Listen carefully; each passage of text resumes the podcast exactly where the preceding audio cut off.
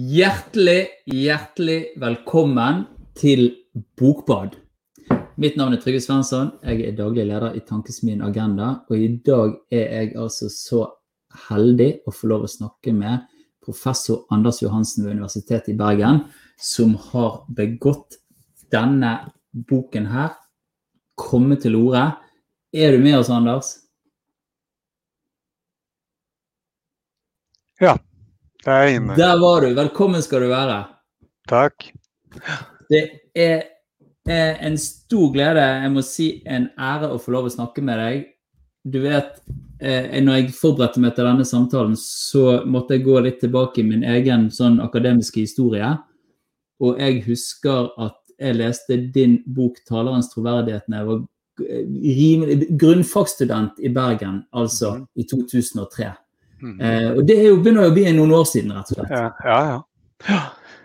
Og det var vel der denne interessen først ble markert, da, som man nå har munnet ut i, i kommet i orde-boka. Ja, og eh, Går det bra i Bergen, forresten? Jeg må alltid spørre om det. Jeg begynner litt høflig. Det er sol, og vi begynner å bli vaksinert, og i det hele tatt, det går framover.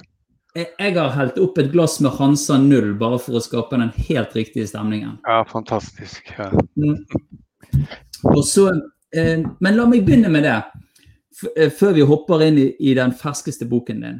Eh, du, som, som sagt, du begynte med å gi ut talerens troverdighet. og Det var jo et sånt, det var jo litt, noe litt nytt når det prosjektet kom i Norge. En slags studie av de, de teknologiske og kulturelle forutsetningene for hvordan kanskje spesielt politiske talere fikk troverdighet. Eh, Syns du det er en grei beskrivelse? ja da, ja da. Eh, og så kom du sammen med Jens Kjeldsen, som også er professor ved Institutt for informasjons- og medievitenskap, med den tjukke boken 'Virksomme ord', eh, som går fra 1814 og helt fram til 2005. Eh, også en database. Eh, og nå har du altså skrevet en enda tykkere bok, 950 sider, om den politiske kommunikasjonen på 1800-tallet. Eh, Så jeg ser et sånt mønster her, der du skriver lengre og lengre bøker som går lengre og lengre vekk fra vår tid. Ja. ja da, du kan si at det begynner. Eh, Jeg husker øyeblikket da det begynte. Eh, Da satt jeg hjemme og så på partilederutspørringen, og det var i 1987 vel. Erik Solheim debuterte for SV. Og han var så hjelpeløs og så, altså så fomlete som du kan tenke deg.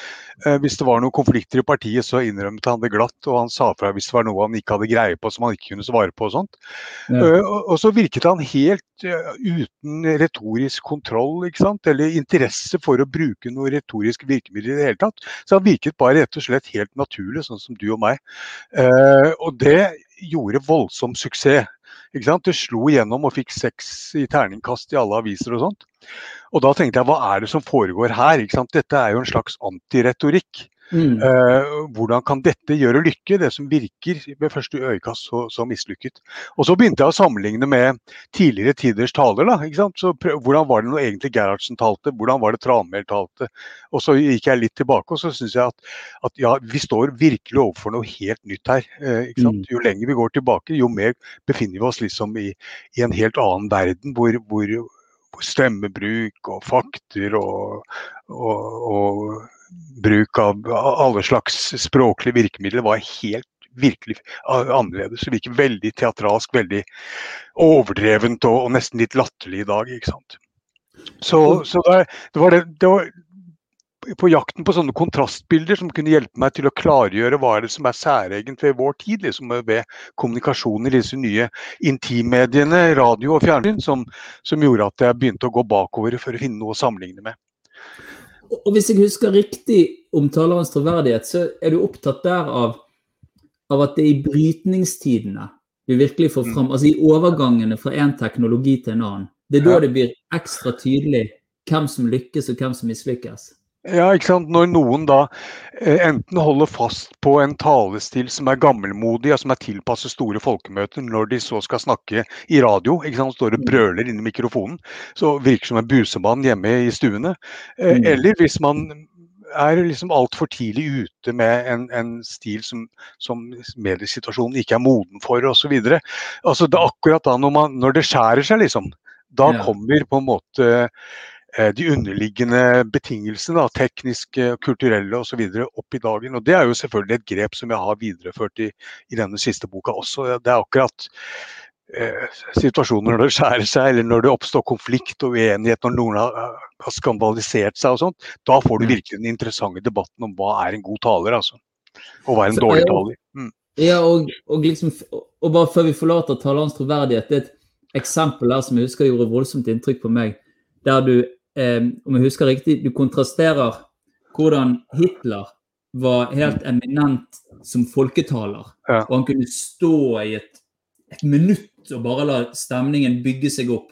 Mm. Eh, men når du gjør det samme på radio, så går jo folk bort og begynner å dunke i radioen. Og, ja, ja, ikke sant? Virker, ikke sant? Ja. Mm. Så, så, han var jo en, en fabelaktig folketaler på de store massemønstringene.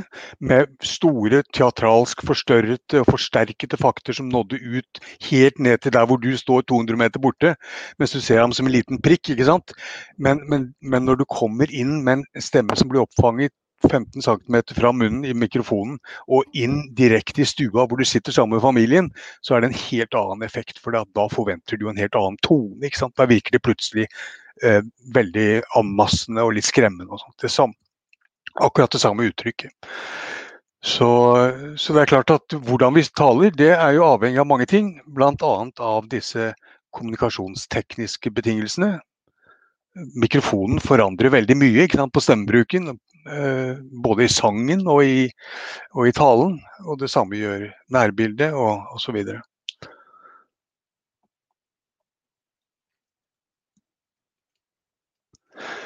Jeg lurer på om jeg har mistet kontakten med Trygve. Um, han virker som han Bildet hans er stivnet og lyden er forsvunnet ut.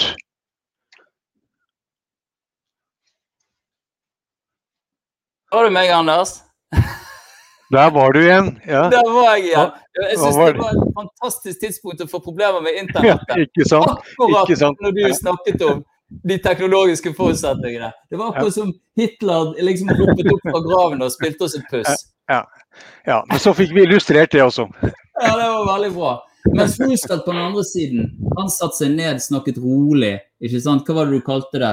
Fireside, Fireside chats. ikke sant? De er jo berømte for at han er den første som snakker i all fortrolighet med publikum som om de satt i samme stue og han bare betrodde seg sånn eh, som han snakker til sin egen familie omtrent. Uh, og det gjorde et veldig inntrykk. ikke sant? Altså, det skapte en veldig tillit til denne mannen som, som du følte at du virkelig kjente omtrent. Um, og så, når du da går videre litt lenger bak i vår egen historie eh, og sam, dette, Det er jo et annet prosjekt, riktignok, men når du begynner å samle disse talene i virksomme ord ja. eh, sammen med Jens Kjeldsen, så, eh, så er det én ting og dette, dette, dette, må vi snakke litt om når det gjelder å komme til orde òg. Altså, men en ting som, som jeg syns gjorde veldig inntrykk på meg eh, med det prosjektet, det er at dere, dere løfter striden og konflikten. Ja. Eh, og dere, dere, sier Altså alle disse tingene Vi lever jo i en tidsalder der vi er fryktelig bekymret for polarisering. Eh, mens det dere sier eh, her, er jo egentlig at de store kampene, enten det er kvinnekampen, miljøkampen, antirasistisk arbeid osv., eh, EU-kampen mm. Det er disse kampene som på en eller annen måte skaper identitet, skaper Norge. Mm. Kan, du, kan, du, utdype litt hva, hva, du mener med det? Ja, altså, vi, vi er jo vant til å, å tro at uh, Nå har jeg ekko på øret her, hvis noen kan ordne opp i det. Vi er vel kanskje vant til å tro at, uh, at uh, det at en nasjon henger sammen, at det er sammenhengskraft i samfunnslivet, at det avhenger av at vi er like og enige og sånt. Og ut fra en sånn forestilling så har man ofte vil begrense tilgangen til offentligheten og til stemmeretten nettopp til de som er i stand til å bli enige, altså mens man holder de andre enten de er etnisk sett andre, eller de er klassemessig eller kjønnsmessig sett andre, utenfor. De som man ikke regner for å være eh, tilstrekkelig opplyst eller eh, ha tilstrekkelig med betingelser til å kunne delta i en slik opplyst samtale. Og Da får man noen sånne farlige avgrunner altså, midt gjennom nasjonen, når man forsøker å skape en harmonisk ikke enighet rundt de som kan snakke og føre en dialog og oppnå enighet sammen. ikke sant?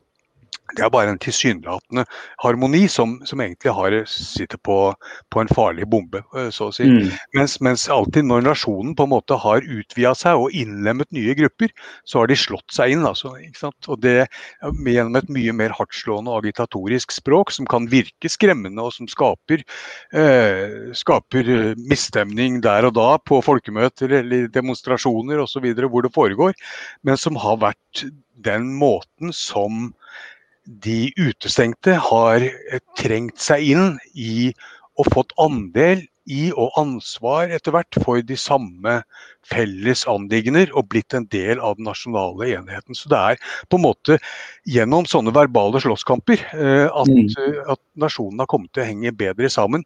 Ikke gjennom å insistere på enhet og likhet og, og, og enighetsorientert dialog. I alle fall når det gjelder det 1800, som jeg har sett nøyere på.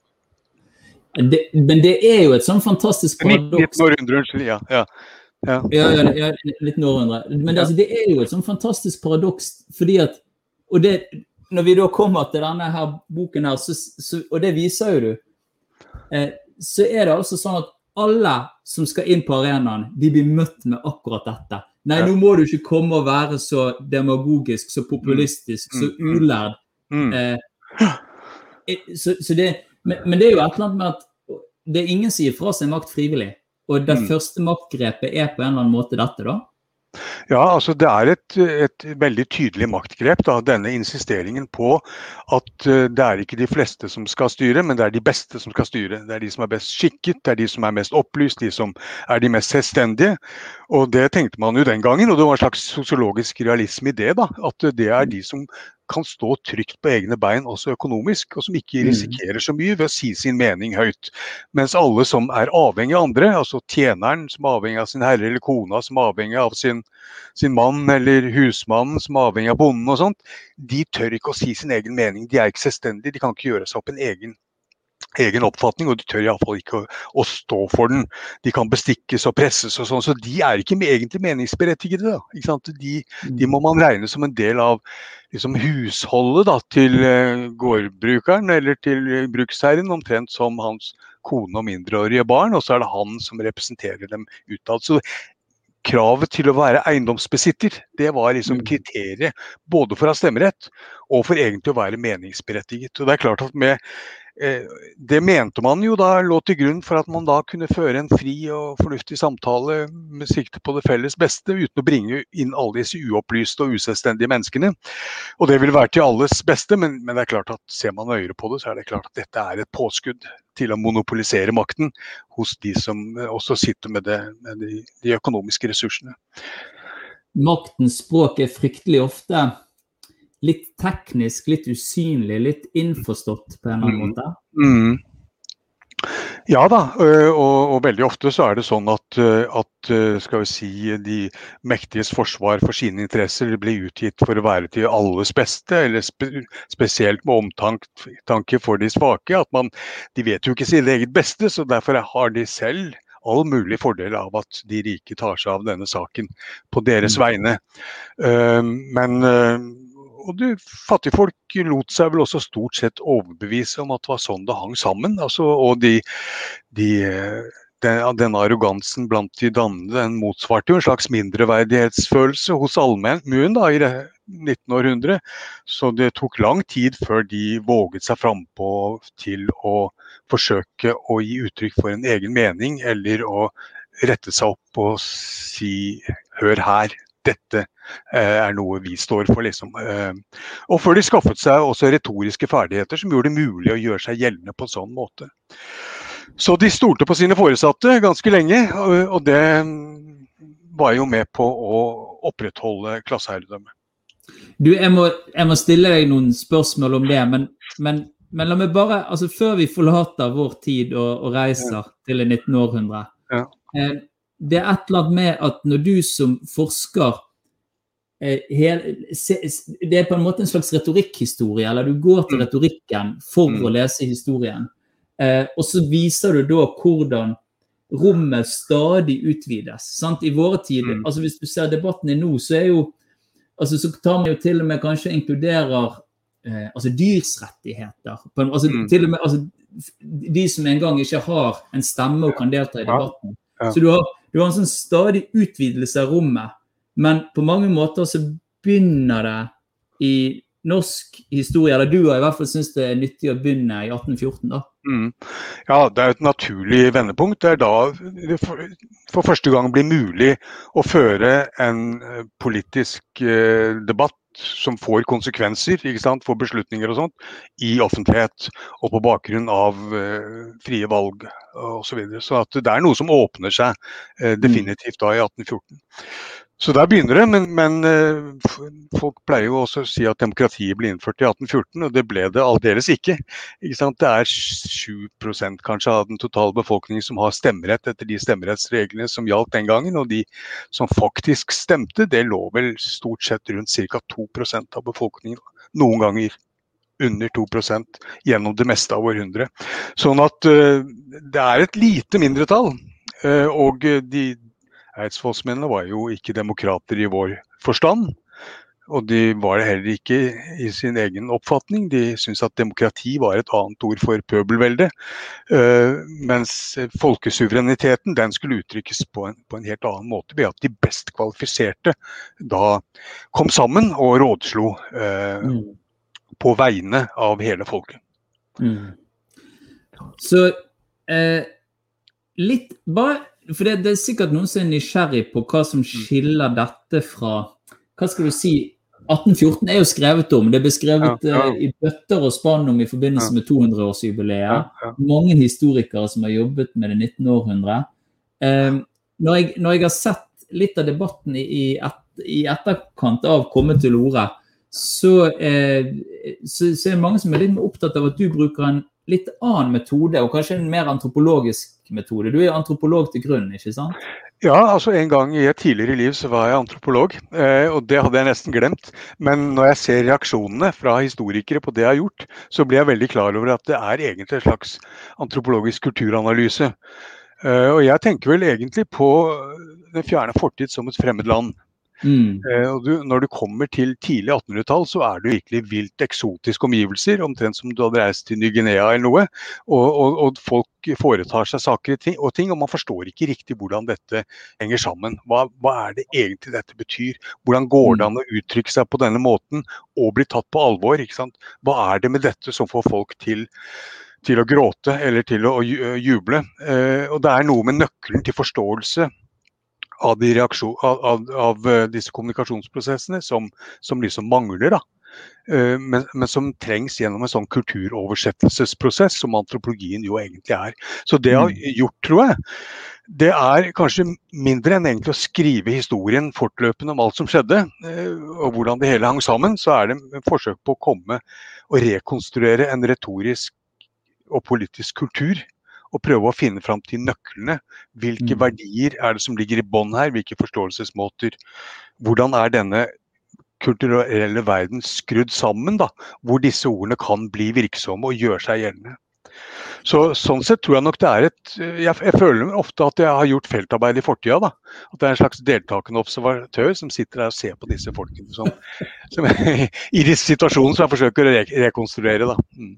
Ja, og det er jo noe med det, da. For at ellers Det er jo pussig hvordan historien og fortiden ofte blir brukt, og blir veldig brukt i nåtidens politiske eh, retorikk. ikke sant? Og bare, Mm.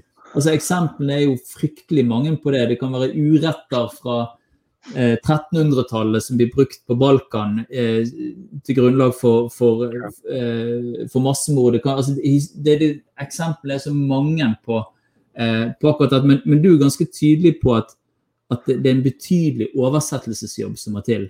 Hvis vi skal ja. ja. Ikke sant? Ja. Altså, jeg tror det var antropologen Fredrik Barth som sa det sånn en gang at eh, nordmenn flest de var så forskjellige i 1814 de var så forskjellige fra oss som, eh, som indere i dag. ikke sant? Og Det er ikke noen Mm. stor ov- overdrivelse, tror jeg. Det, det, er virkelig en jo, jo, lenger tiden går, desto mer er det som forandrer seg historisk. Og til slutt kan vi nesten ikke kjenne oss igjen lenger i disse omgivelsene som vi tar for å være våre på en eller annen måte. Da, ikke sant? da tror jeg vi har en tendens til å overdrive kontinuiteten og likhetene mellom den gang og nå. Veldig mye norgeshistorie går ut på å, å si at Norge er slik og slik fordi et eller annet i mm. middelalderen. ikke sant? Et eller annet eh, liksom fra 500 år tilbake. De er liksom besteforeldrene våre, disse Eidsvollsmælene. De, ja, ja, er bare litt før oss, på en måte. Ja, ikke sant.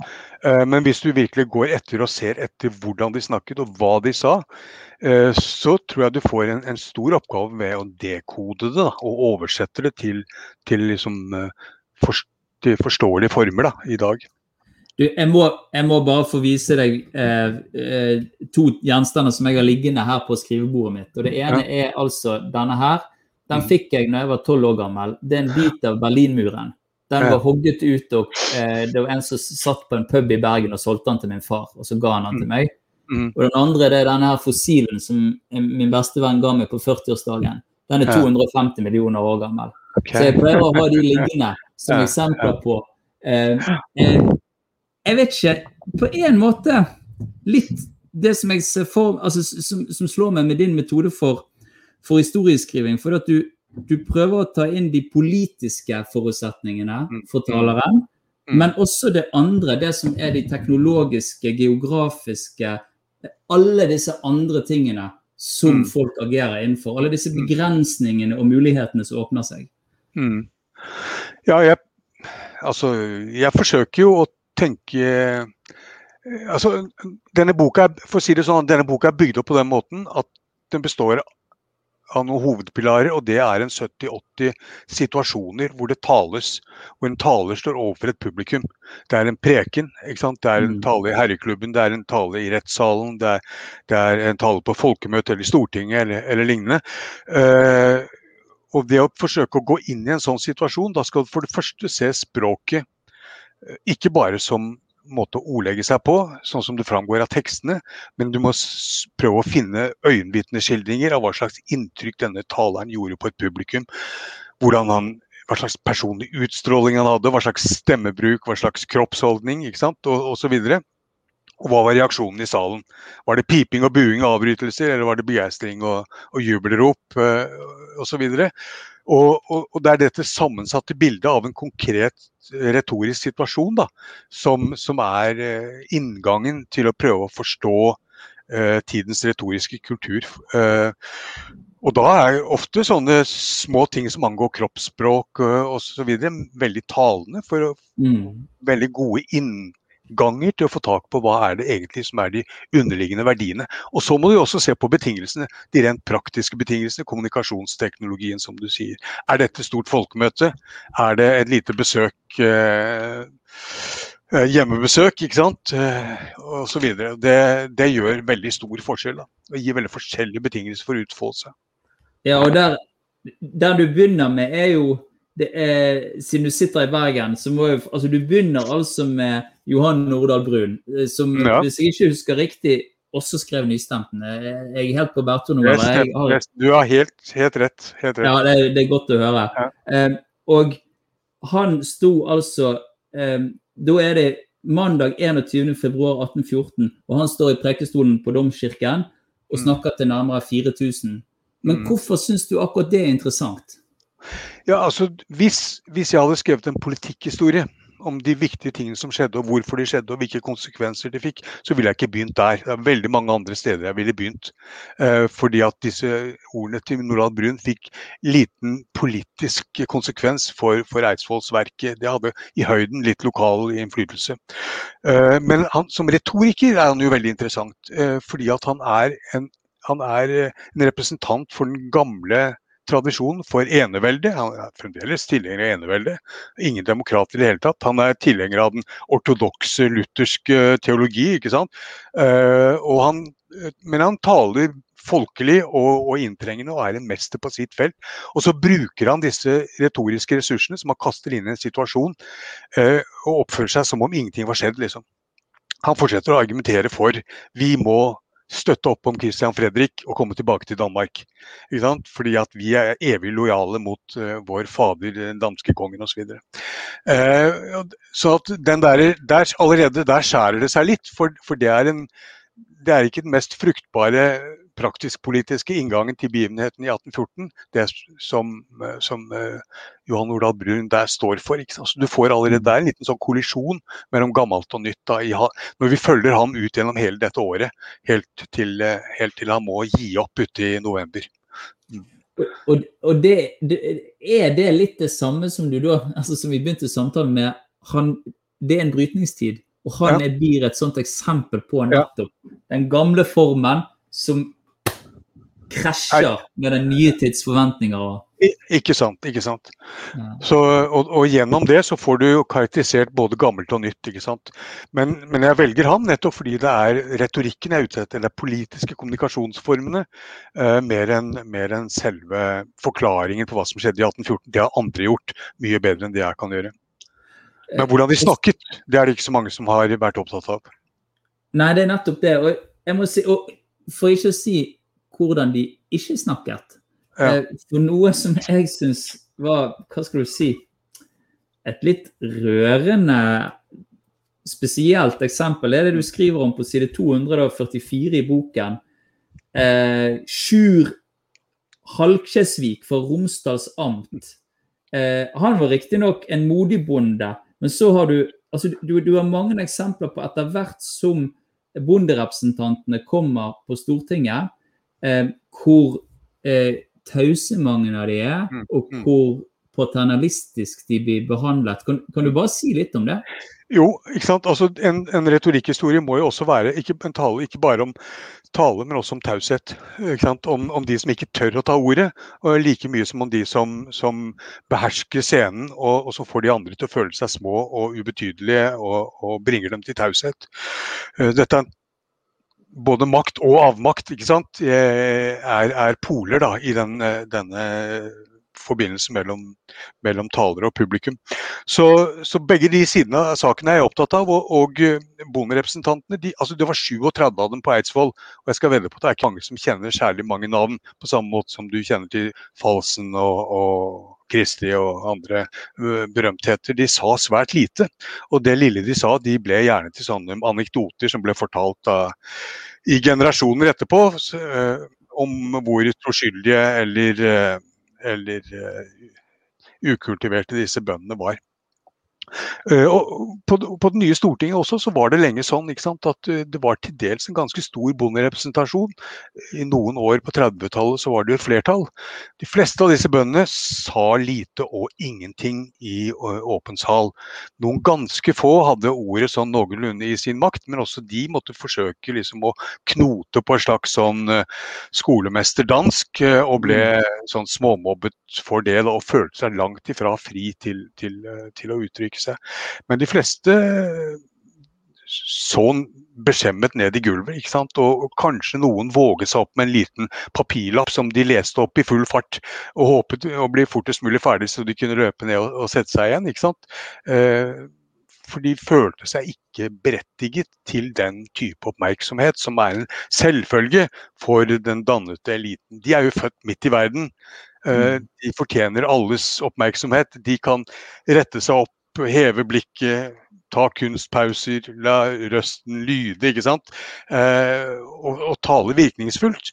Mens eh, folk som kjenner seg som allmue, de har vanskelig for, for å påkalle den type oppmerksomhet. De føler seg ikke verdig til det. Og eh, altså alle disse berømte representantene fra bygdene, altså enten det er Garborg eller det er Åsen, eller sånt, de var jo elendige talere. Åsen turte aldri i hele sitt liv å gå opp på en talerstol. Du, du, de klarte ikke å dra ham opp dit selv om han skulle takke for æresbevisninger osv. For de følte seg ikke at de, at de kunne. At det liksom, det, på en måte denne, denne mindreverdighetsfølelsen, tross alt som de forsøker å slå seg løs av, den sitter sånn i kroppen på dem. ikke sant? Mm. Og dette preger altså stortingssamlingene. Uh, hele, altså ut gjennom i alle fall hele første uh, del av århundret. Altså, det er utrolig interessant, fordi at, altså, nettopp som en sånn skjult historie. Ja. Har, altså Den taushetens historie. Ja. Det er jo et paradoks da, at du skriver en retorikkhistorie som er en taushetens historie. Men, men det er jo det, altså, det er vel derfor du begynner boken òg med et sitat fra, fra, fra Snorre, faktisk. Ola Tryggvasons saga. Ja. Om at bonden talte, og så kommer disse bøndene som skal stå opp, men ingen av de tør. Ingen klarer å snakke. En harker, en eh, får noe i halsen, en, eh, en eh, og, og da så ble det til at alle gikk med på det kongen bød. Ja. Og kongen innførte dermed kristendommen i Norge. ikke sant? Sånn hang, hang det sammen. så, eh, men, men, eh, men eh, ikke sant? Altså, så dette er ikke noe særegent ved Norge på 1800-tallet. Det har skjedd før og i andre sammenhenger. Eh, og det Snorre egentlig snakker om her, det er mangel på retorisk medborgerskap.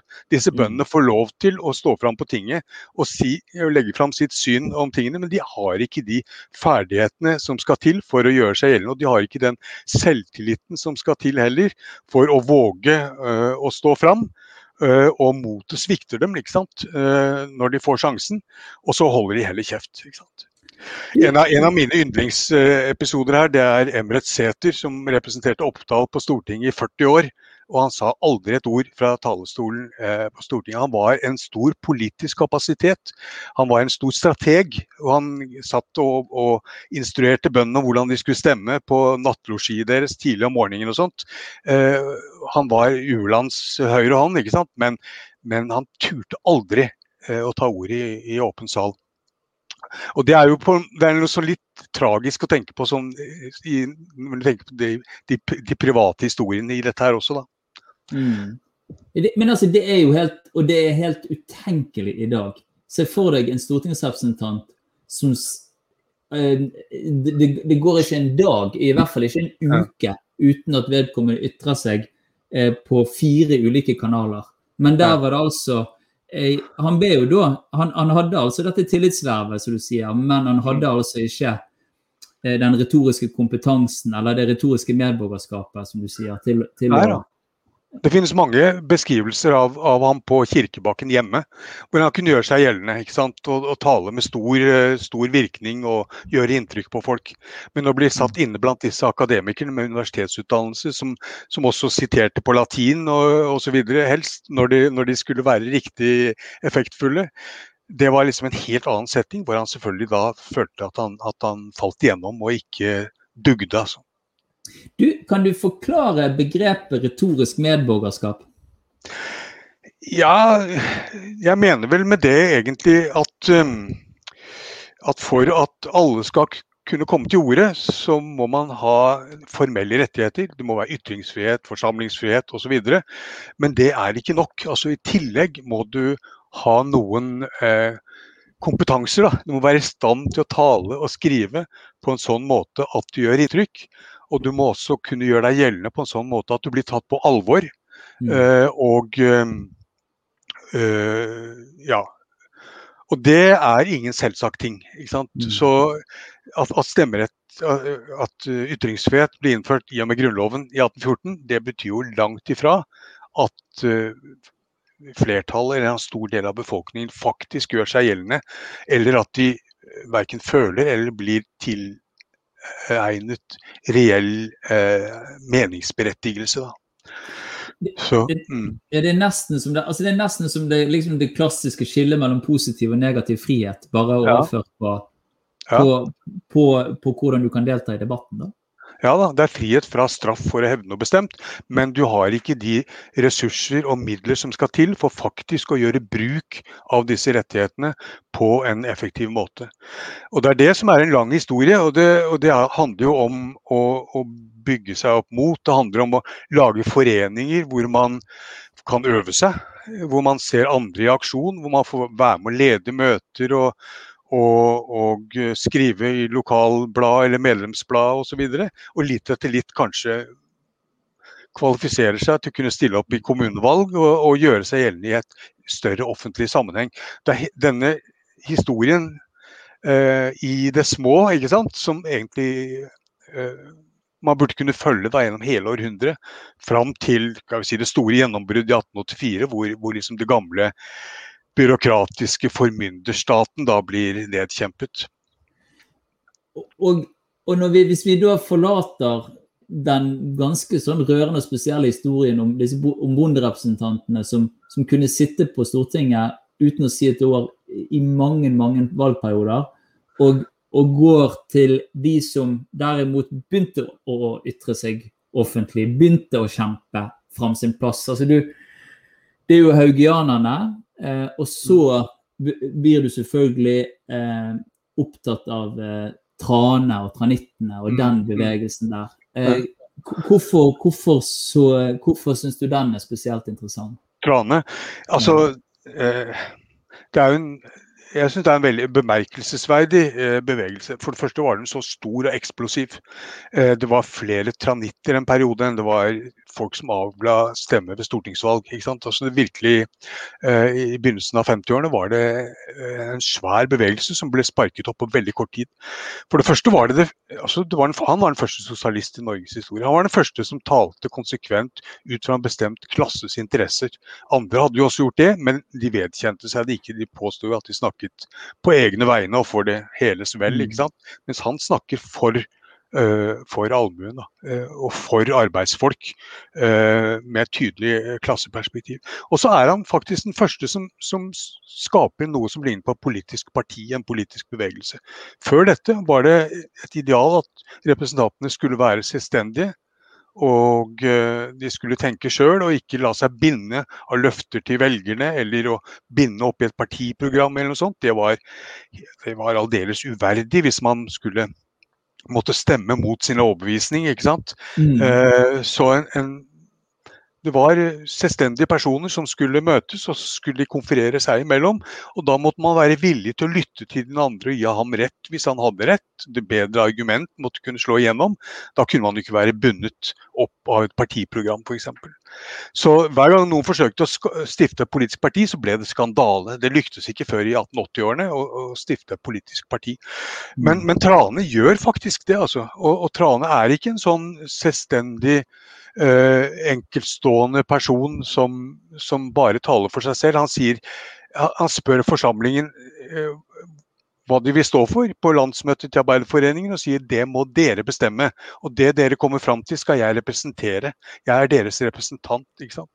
Uh, og det å tenke på seg selv som en representant for en større klasse eller gruppe eller, eller organisasjon, det er noe aldeles nytt og noe, noe egentlig skandaløst altså på, på, hans tid, fordi det bryter med den tidens øh, individualisme. Ja, og er ganske, han er jo ganske cutting edge òg, er han ikke det? da? Altså, Det er tidlig. Det, det, er ikke så fryktelig lenge eh, altså i, i, den europeiske sosialismens historie så er jo det også tidlig. Ja, ja. Eh, ja. Det er det. Eh, og eh, altså han og han, øh, og han, har på mange måter et radikalt perspektiv på, på samfunnet. Hvem er det som skaper verdiene, og hvem er det som tilegner seg verdiene her? Vi arbeidsfolk kan klare oss veldig godt uten dere embetsmenn og, og prester og osv. Men dere kan ikke klare det uten oss. ikke sant? Uh, altså, så, på den måten snakker han noe, men noe av det han er aller mest opptatt av, det er liksom å få arbeidsfolk opp og stå som politisk subjekt. Og få dem mm. til å men, tørre å mene noe på egne vegne, tørre å ta ordet. Uh, og han bruker mye av talene sine til å forklare hvordan uh, forakten fra de rike blir internalisert, så å si, hos fattigfolk til en slags sjølforakt. Som gir seg mm. utslag i enten at de blir tause og og dumme og klossete, eller at de reagerer ut ved å gå på fylla og slåss og sånt, som er like lite produktive begge deler. Og, og Trane prøver å overbevise dem at dere kan tenke dere også. Eh, den fattige har en sans mer, han ser ting som andre folk ikke ser. Ikke? Eh, og som sulten har lært ham å se, og som nøden har lært ham å se. Og det er også ressurser. ikke sant? Eh, så han, han, gjør veldig mye sånn sosialpsykologisk analyse faktisk i talene sine, som går på hvordan oppstår mindreverdighetsfølelsen, og hvordan eh, overvinner man den. Og så jobber han veldig mye. Ikke sant? Ikke bare for at folk skal stå på krava og sånt, men, men, først og fremst for at de skal, de skal, lære å skrive og tale. De skal lære å mm. lese. De leser høyt Arbeiderforeningens blad. Han stifter uh, det er kurs, kurs, i den slags. Han stifter sangforeninger og teatergrupper og alt mulig for nettopp å lære folk til å handle med ord. altså. Og Mm. gjøre seg gjeldende i offentligheten. Det er hovedanliggende ved hele den bevegelsen. Og det er det som er så fascinerende, at, at, at det er liksom der det begynner. Det Ja. begynner med kommunikasjon, og så Ja. kommer de andre tingene etter, for du skjønner den enorme betydningen. Ja. Eh, og da, altså det, eh, jeg, jeg må bare gjøre et hopp til vår tid. Ja, okay. Jeg syns stadig jeg befinner meg i debatter og situasjoner i det moderne Norge der denne helt grunnleggende motsetningen mellom arbeid og kapital, eh, kan du rett og slett si, eh, på en eller annen måte blir tåkelagt, forkludret. At, at det at du selvfølgelig representerer et visst sett med interesser Mm. hvis, du, hvis du lever i en sånn type samfunn som oss, med denne Ja. typen organisering, så er det Ja. klart det. Men, Ja. men, men det er akkurat som vi er Det blir absurd å si at vi er kommet tilbake til Tranes tid, for det er vi jo gudskjelov ikke. Men denne interessemotsetningen, den er det fryktelig ofte ikke kommer fram. Ja. ja da, og du kan si at noe av det som er eh, arbeiderbevegelsens store fortjeneste sånn historisk sett, er at den har lært oss å tenke så å si sosiologisk på politikken. Og tenke politikken inn i disse eh, forholdet mellom klasser og grupper og, og krefter i samfunnet. Og ikke bare som en sånn kamp mellom, mellom uh, ideer som henger i luften. ikke sant? Uh, og så har vel den innsikten på en måte gått tapt. Eh, gjennom de siste 40 årene eller noe sånt, hvor alle partier prøver å late som om de er bare ute etter å representere det felles beste og, og prøver å, å skjule sine, sine spor til, til eh, klasseforpliktelsene. Men, Mm. men, men dette var jo så radikalt nytt i, i Tranes tid at at det er um, Han er virkelig en, en, eh, en foregangsmann på veldig mange måter, Trane. Og, og selvfølgelig blir møtt med beinhard makt. Ja da. Trane og, og han er også en foregangsmann sånn rent retorisk. altså Han, han står på talerstolen med hendene i lommene eh, og snakker et nokså det han selv kaller et pøbelaktig språk. Eh, ikke sant? For det har han valgt, fordi at han vil snakke med folk flest. Han vil ikke prøve å imponere dem, men han prøver å komme i tale med dem. Eh, og så snakker han ledig og morsomt og, og veldig konkret. Og, og uten store fakter, altså uten disse store teatralske faktene som ble regnet som veltalende på hans tid. Sånn at alle kvalifiserte eh, kommentatorer sier at Trane han er ingen agitator, han kan ikke tale i det hele tatt. Og så forstår de ikke hva som skjer da. Men, men Trane han kunne snakke for bitte små forsamlinger. Men på store folkemøter ville han vært helt fortapt. Men eh, jeg tror han er nærmest som skapt for radio eller fjernsyn, for nærbilder. De bitte små virkemidlene. Ja, det, det, og han ble fotograf i USA, hvis jeg ikke husker feil. Uh, Jo, ja. Ja. Mm. Uh, Du, Anders, det kommer inn litt spørsmål her så vi, uh, Ja, i chatten. Så vi skal ta etter hvert. Men, men jeg må bare, vi må litt videre fra Trane òg. Ja. og hva vil du si altså det, Hva er det neste store som skjer etter tranittenes gjennombrudd, som, du, som du løfter? Ja, altså Tranittene de blir jo slått ned, ikke sant. Det var det du var inne på. Høyesterett kunne aldri finne ut noen bestemt paragraf de hadde forbrutt seg mot. Eh, men det var klart at eh, de, de hevdet det at vanlige arbeidsfolk var meningsberettiget. Mm. Ikke bare at de hadde krav på stemmerett, men også at de hadde noe de skulle ha sagt. ikke sant? Og det var altså så utillatelig. Det måtte man slå ned på med hard hånd. Og de fikk jo mange år i tukthus, omtrent 100 mann der. ikke sant? Så, så dermed ble det 30-40 år til neste gang arbeiderbevegelsen klarer å, å, å, å gjøre seg gjeldende. Neste store tror jeg er at, at um, det er det vi kan kalle venstrebevegelsen fra rundt 1870 og frametter, som er en brei allianse av mange slags bevegelser og organisasjoner. Um, med folkehøyskolebevegelsen, med bondevennene som, til, til Jåbekk, med, med rekke sånne tiltak. Da, altså med lavkirkelige eh, bevegelser og osv. Som etter hvert blir til partiet Venstre, da. ikke sant? Mm. Og, som, og som etter hvert eh, samles rundt eh, kravet om at det er Stortinget som skal eh, oppnevne regjeringa. Det er ikke kongen. Mens Høyre da etter hvert blir, grupperer seg rundt kongemakten og, og, ideen om maktbalanse, som de sier det. ikke sant? Vi må ha eh, mak maktbalanse mellom regjering og storting. De kan ikke eh, samles på ett hold. Mm. Og, og det, dette blir jo en svær eh, bevegelse som, som, går gjennom noen dramatiske eh, valgkamper osv. gjennom en lang tid, og som utvikler helt nye arenaer og nye organisasjonsformer. Det viktigste som skjer kanskje, er vel, er vel at politikken på en måte kom, stortingspolitikken kommer ut blant vanlige folk. Det mm. utvikles folkemøter. Uh, og det, samtidig så bygges det ut en infrastruktur her med jernbaner, med telegrafi, med bedre postvesen, med billigere presse osv. Som gjør at du kan uh, lage eh, stenografiske referater av disse folkemøtene. Sende dem ut i avisene neste dag, få dem ut over hele landet i løpet av kort tid. Sånn at hele, hele landet på en måte blir integrert som en politisk arena. Og disse, i disse sammenhengene, da, i pressen og på folkemøtene, så kommer også politikken til syne for mange flere enn de som tidligere hadde kunnet eh, være til stede ved en stortingsdebatt i det lille, lukkede, eh, isolerte rommet der inne i, eh, Kristiania.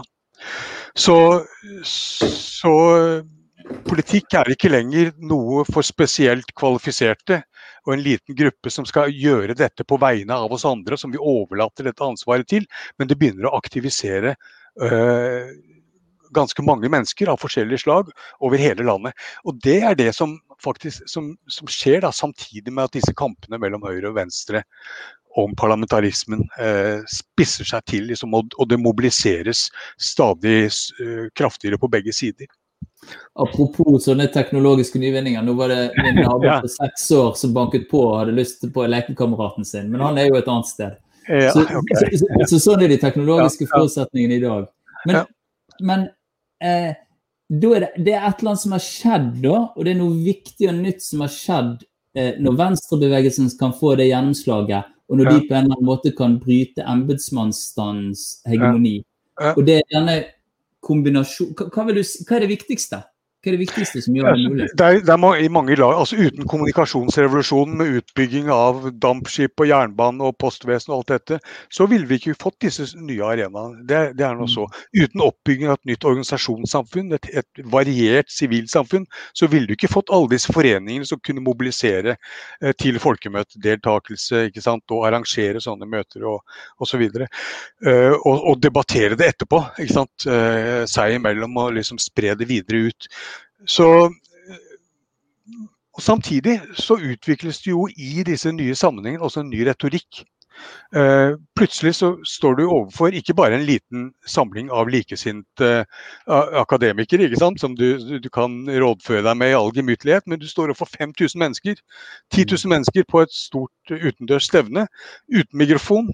Og hvordan gebeider du deg da? ikke sant? Og da er det disse nye kanonene til venstre, med trening fra folkehøgskolen og, og, med sansen for det levende ordet til Grundtvig. ikke sant?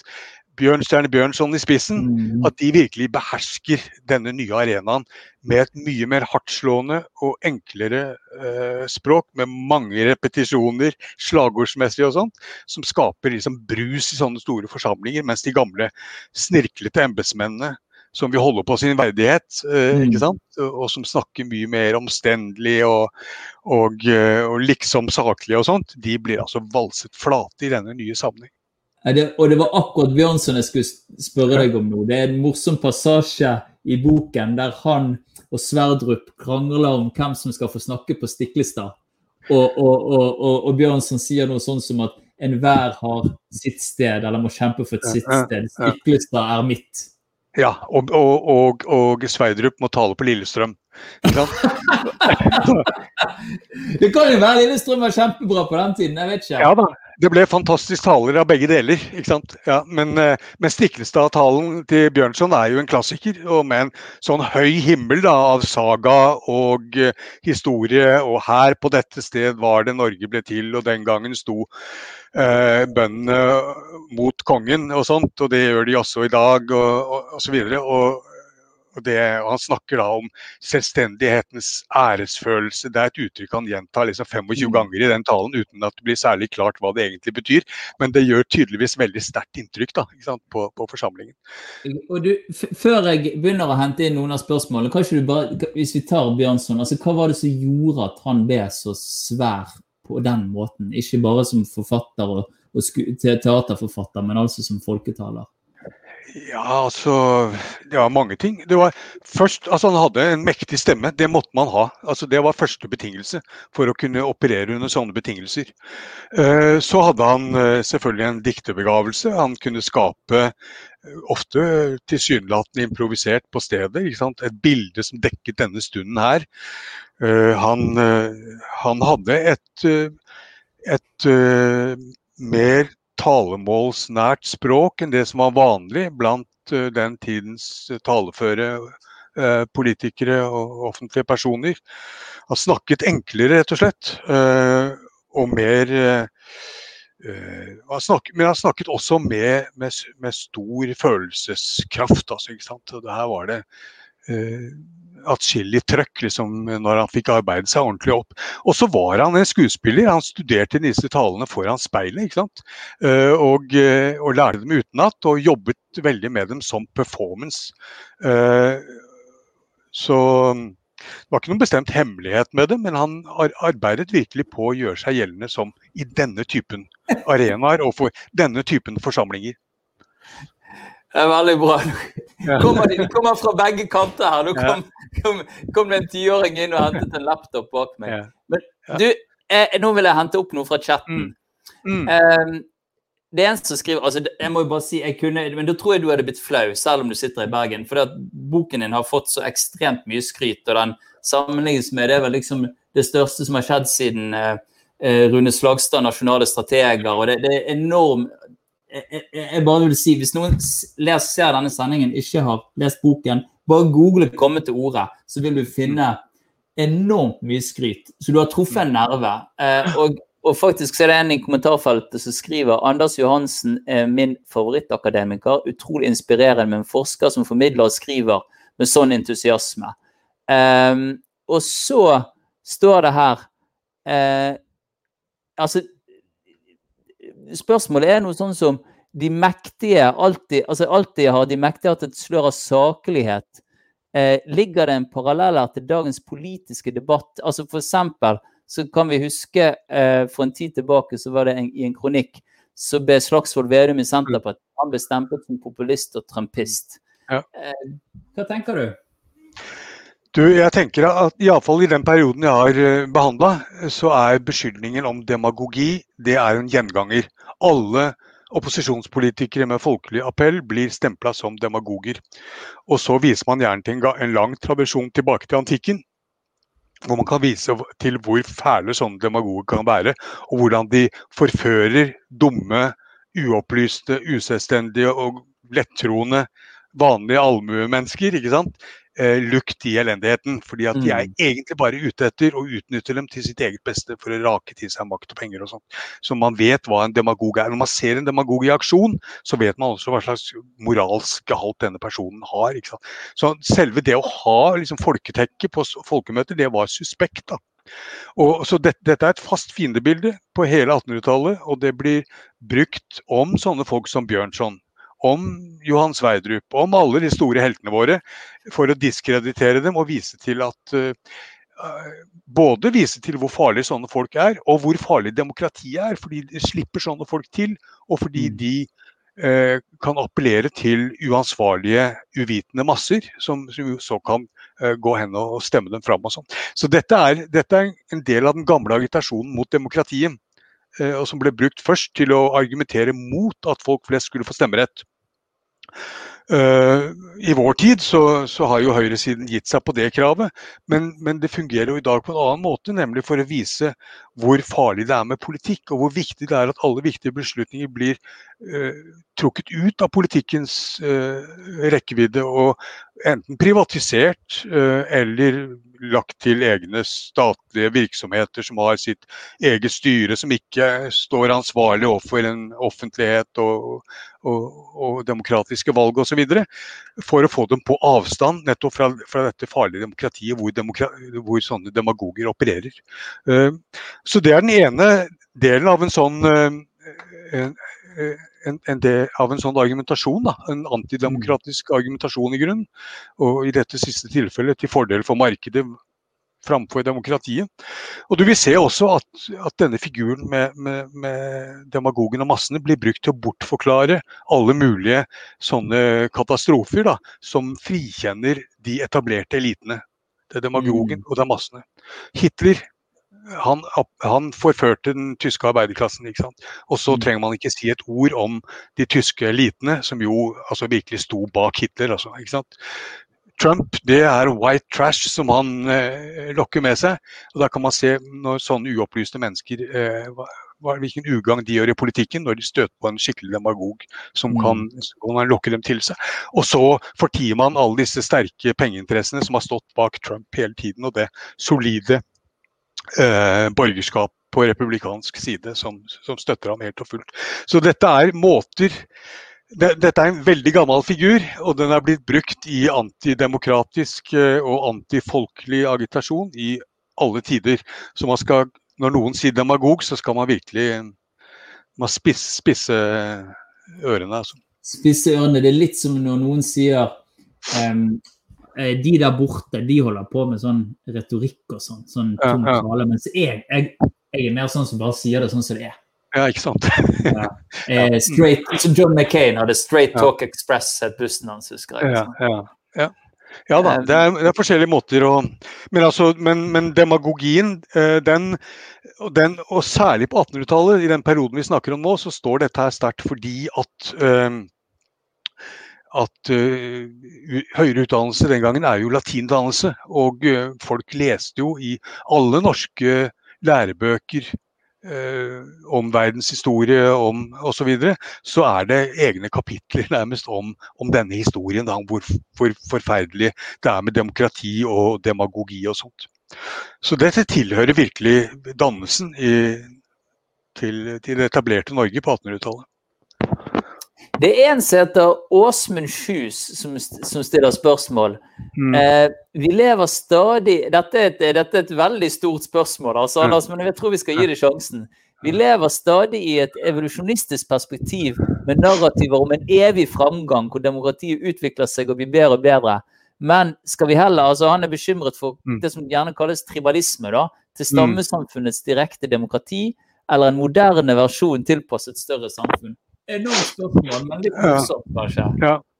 Nei, altså, øh, jeg synes øh, nok at det, det, det, direkte demokratiet hadde fortjent noen flere sjanser enn det fikk i den norske historien. Mm. Øh, da vi skulle lage kommunestyrerlov her i 1830-årene, så var det hele tiden meningen at de gamle samlingene på tinget og på Kirkebakken og sånt, det var de som nå skulle få økt myndighet. Det var en slik direkte allmue allmøteform som, som, eh, som, nå skulle avløse embetsstyret ute i bygdene. Og først i mm. aller siste runde så, så, kom det representative demokratiet inn, og vi fikk kommunestyre med, med formannskap og, og med, med, valg som var begrenset til noen ganske få i bygda og sånt. ikke sant? Mm. Eh, så da ble plutselig demokratiet veldig vingeklippet. Men lokaldemokratiet i Norge var først tenkt som direkte demokrati. og mange radikale demokrater den gangen argumenterte for at at myndige mennesker som bestemmer over seg sjøl, de kan ikke gå med på å sette bort politikken til representanter. De må selv ta andel i disse affærene ikke sant? og sette seg inn i mm. dem og, og selv ta ansvaret. Ja, og det kan godt være, og det eksperimenteres jo rundt om i verden i dag med mange nye mm. former for, for direkte medvirkning fra borgerne, som kan være viktige, tror jeg, for å overvinne noe av den derre politikerforakten eller mistilliten til systemet som mm. med, ikke helt uten grunn, uh, har bredd seg og svekket valgdeltakelsen, og ikke minst oppslutningen om frivillige organisasjoner osv. Og, så videre, og deltakelsen i, i, i samfunnslivet.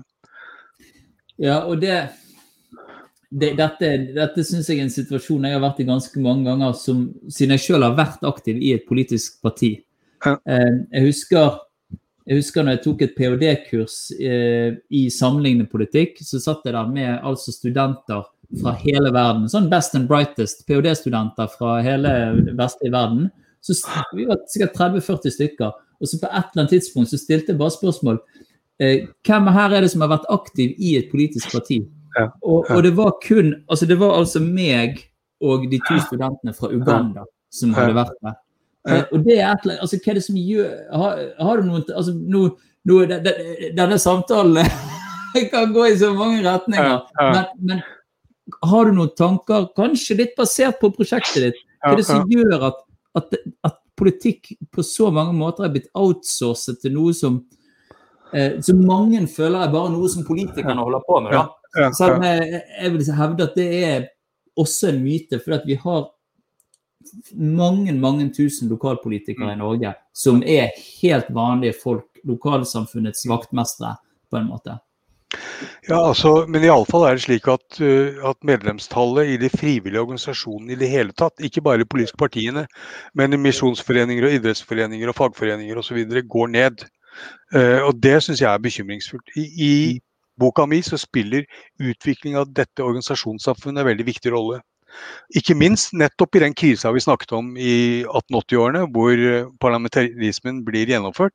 For da spisser det seg sånn til etter hvert at kongen sitter og planlegger statskupp sammen med den norske statsministeren, eh, og Venstre oppretter skytterlag, som er egentlig er en parlamentsmilits da, som skal forsvare Stortinget. Så det er på randen til borgerkrig, og mange snakker om det, ikke sant? men de besinner seg i siste liten. Og i, i, i refleksjonen om liksom, hva er det som bar gjennom krisa, da, så er det enkelt, altså, mange som har pekt på det at, at det er denne demokratiske infrastrukturen på en måte, som er en slags ballast altså, i kritiske perioder, hvor, hvor de, dette organisasjonslivet fungerer som medlemsdemokrati, og hvor, medle hvor demokratiske verdier læres inn. Det er skole i demokrati, og også en skole i å ta ordet og, og, tilegne seg retoriske ferdigheter og delta faktisk sjøl. Så, så noe av det som bar gjennom krisen den gangen, og, og, uh, i Bullers studie fra, av okkupasjonstiden, så gjelder det også og forståelsen av hvorfor det ikke lykkes å massifisere den norske kirken og skolen osv., så, videre, så er nettopp organisasjonssamfunnet. Uh, med alt annet enn politiske organisasjoner, men også religiøse og mål, målrørsla og alt mulig. Det er demokratiske styrte organisasjoner som ikke lar seg pille på nesen sånn uten videre. Ikke sant? Og Spørsmålet er om de nye, eh, om, det, om, det, er like mye liv i disse organisasjonene fremdeles. Eh, de, de, nye organisasjonene som erstatter disse gamle folkebevegelsene, de er jo mer sånne serviceorganisasjoner.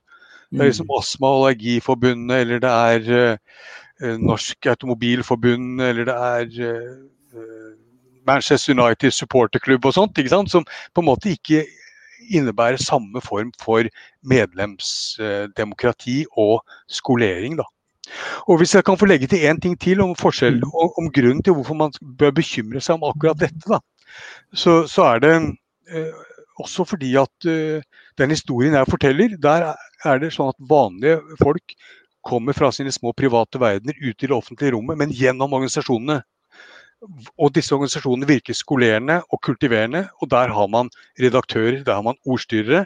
ikke sant? Sånn at uh, dette ble, språket de så fører, blir omsatt til et uh, offentlig gangbart språk. I dag kan, det, kommer alle til ordet. Det er helt uhindra og ufiltrert, men det er ikke noen sånn uh, organisasjonsmellomledd som på en måte transformerer disse impulsene til, til å hevde seg eh, på en måte som gjør dem til, til eh, yt, altså en gangbar ytringskultur. Og er, Det er en veldig viktig nøkkel tror jeg, til å forstå noe, det som er nytt i vår tid. da. Eh, Anders Johansen, det er, her, herfra kunne samtalen tatt mange retninger. og vi kunne, tror vi kunne hatt et nytt, et nytt, et nytt bokbad nesten. Men, men, jeg har lyst til å stille et siste spørsmål. og Det er altså det er sannsynligvis et altfor stort men likevel. Når du da altså Når du er ferdig med denne her og har sendt den ut i verden, eh, altså, hva, synes, hva, er det viktigste å lære av å lese denne boken, av dette prosjektet? Hva er den viktigste lærdommen? Ah, nå spør du fryktelig vanskelig. uh, det var meningen. Nei, altså uh, Eller hva er det viktigste du sitter igjen med? Ja. Det var en anmelder som sa at dette handler om politikk, men, men ikke i statsvitenskapelig forstand. Det handler om det politiske livet. Uh, og det er det ingen som har skrevet om før. Altså at at uh, vi har tenkt på politikk som noe som uh, har med, uh, med realpolitikk, maktpolitikk, interesser og, og, så, og, beslutninger og deres konsekvenser å, å, gjøre. Og vi har snakket veldig lite og interessert oss veldig lite for hvordan politisk kommunikasjon foregår, hvordan, hvordan det utløses sterke mot, motiverende følelser. Hvordan man gjør seg erfaringer og utvikler erfaringer i fellesskap eh, som blir til in politiske innsikter. Eh, og den siden av politikken tror jeg jeg tror ikke bare er historisk interesse, men de som forsøker å utrette noe politisk, tror jeg også bør tenke mer på den siden av saken. Anders Johansen, professor ved Universitetet i Bergen forfatter av 'Komme til orde politisk kommunikasjon 1814-1913'. Denne timen syns jeg gikk fryktelig fort. Mm, ja, den gjorde det. Tusen, tusen, takk for at du stilte opp. og eh, Jeg syns folk skal gå og låne seg denne på biblioteket eller kjøpe den sjøl. Det er en utrolig interessant innføring i eh, vår ganske vår nære historie, som vi også i dag har lært er et eh, fremmed land. Takk for praten, Trygve. Takk for praten. Vi, eh, og takk til alle som så på, og til de som stilte inn, sendte inn spørsmål.